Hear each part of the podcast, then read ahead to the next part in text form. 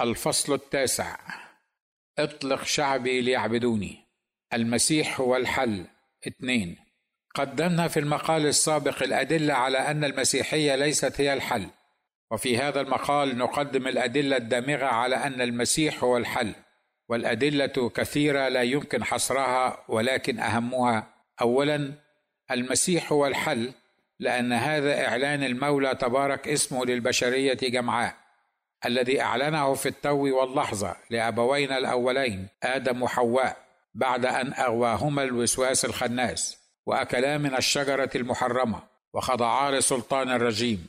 فبشرهما المولى أن هناك حلا لمشكلة سقوط الإنسان وانفصاله عن الله وأن من نسلك يا حواء سيأتي من هو مولود من امرأة وليس من رجل وامرأة بل من امرأة فقط.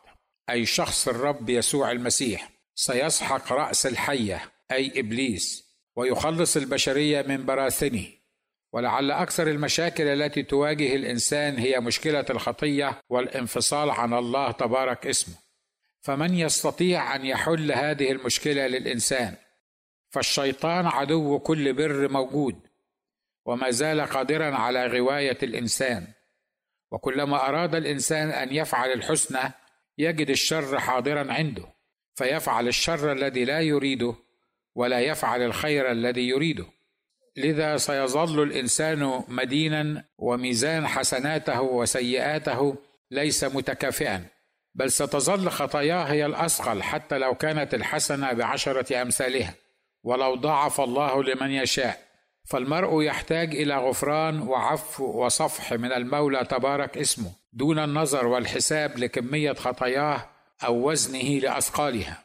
ولعلمه تبارك اسمه بمشكلة المشكلات وهي كيف يتخلص المرء من عذاب القبر والنار وورود النعيم الأبدي والإفلات من جحيم أعده المولى لإبليس وجنوده وأعوانه من البشر. ولعلمها أن لا حل لهذه المشكلة إلا بأن يموت بار لأجل الفجار وبريء لأجل الاثمه والأشرار ووجيه في الدنيا والآخرة أي من تقبل شفاعته يوم الدين لأجل موتى بالذنوب والخطايا.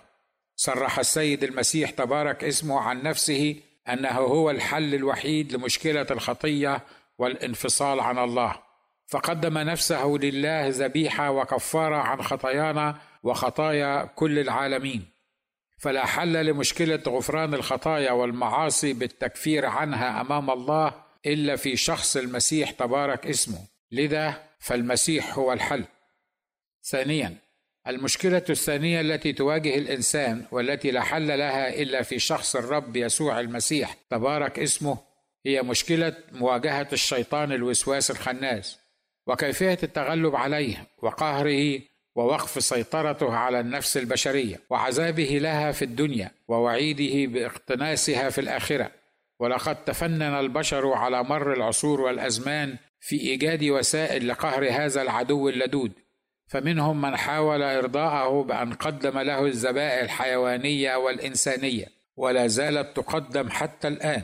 ومنهم من يصرحون بأنهم عبدة الشيطان لأنهم يؤمنون بأنه القوة التي لا تقهر. ومنهم من استكثر بالعياذ بالله من الشيطان الرجيم ومنهم من عقد حلقات الزار وليالي الذكر لعله يفارق أجسادهم وأنفسهم وأرواحهم بعد أن عذبهم عذابا اليما. ومنهم من تشفع واستجار بالقديسين وأهل بيت الله ومنهم من لبى طلبات الأسياد وارتدى الخواتم والحلقان والجعران والجلباب الأخضر والأبيض تهدئة لنشاط الأسياد. ومنهم من ارتاد الأضرحة والقبور ومقامات أولياء الله الصالحين. وفئة أخرى استعملت السحر والأحجبة وجلسات الوسائط وغيرها.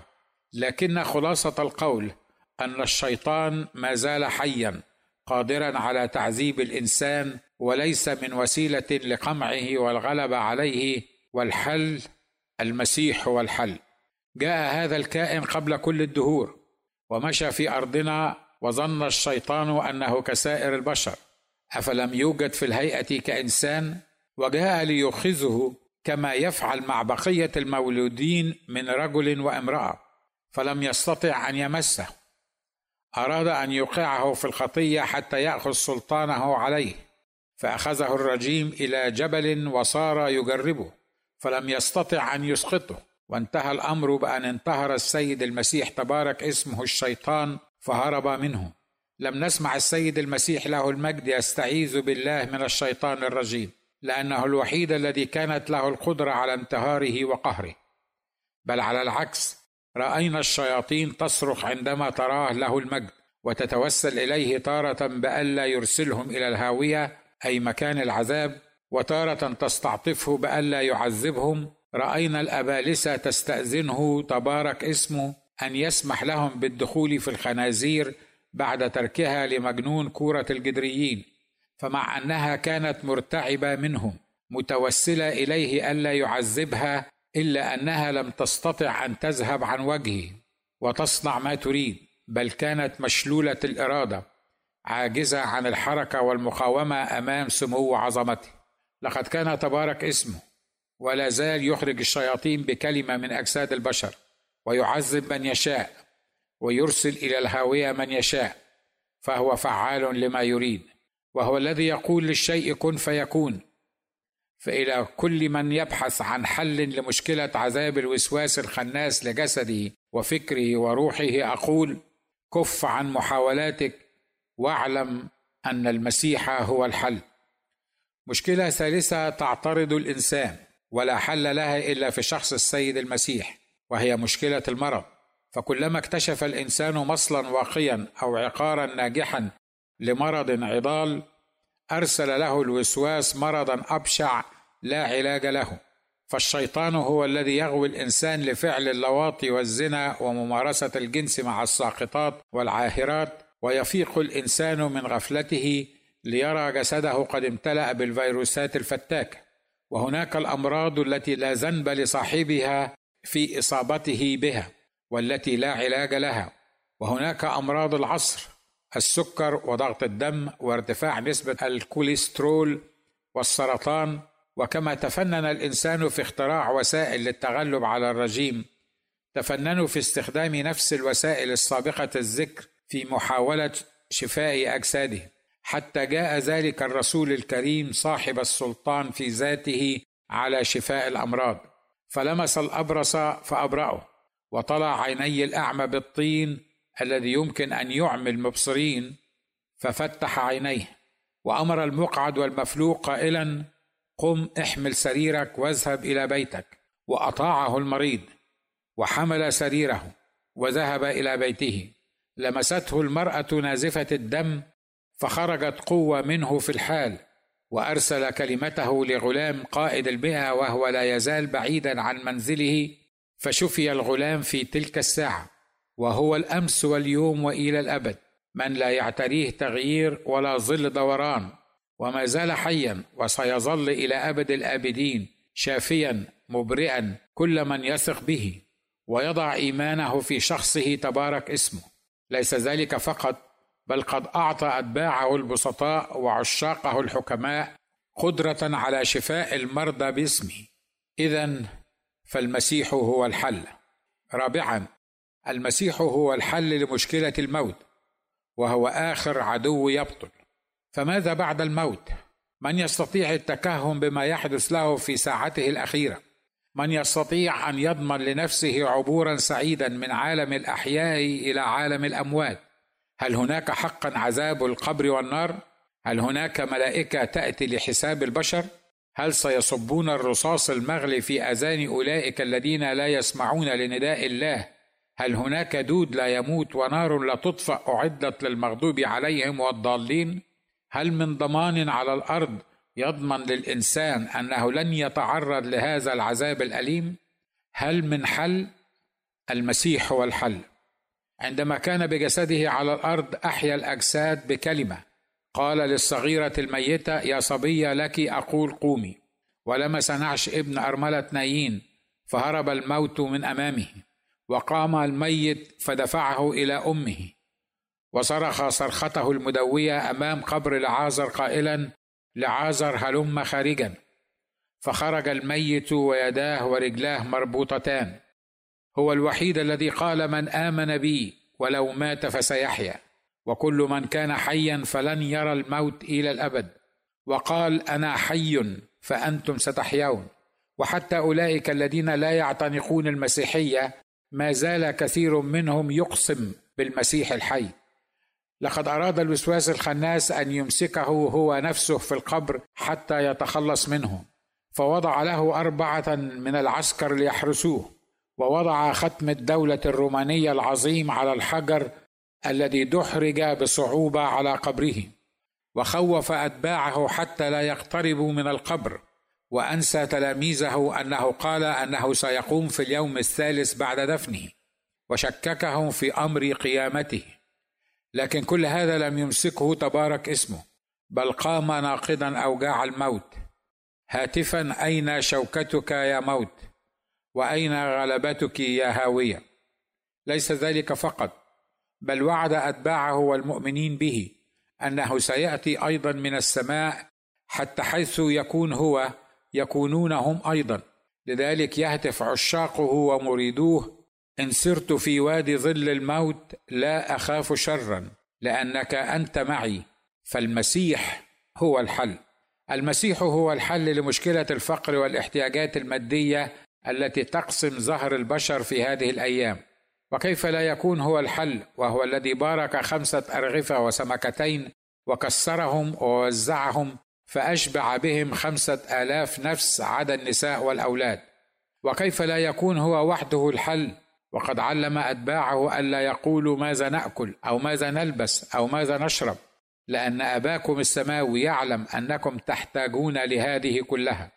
وقال لهم أنه الذي يعتني بالعصافير فلا يسقط واحد منها إلا بإذن المولى تبارك اسمه وهو يعتني بزنابق الحقل فيلبسها حللا ولا سليمان الحكيم في كل مجده كان يلبس كواحدة منها.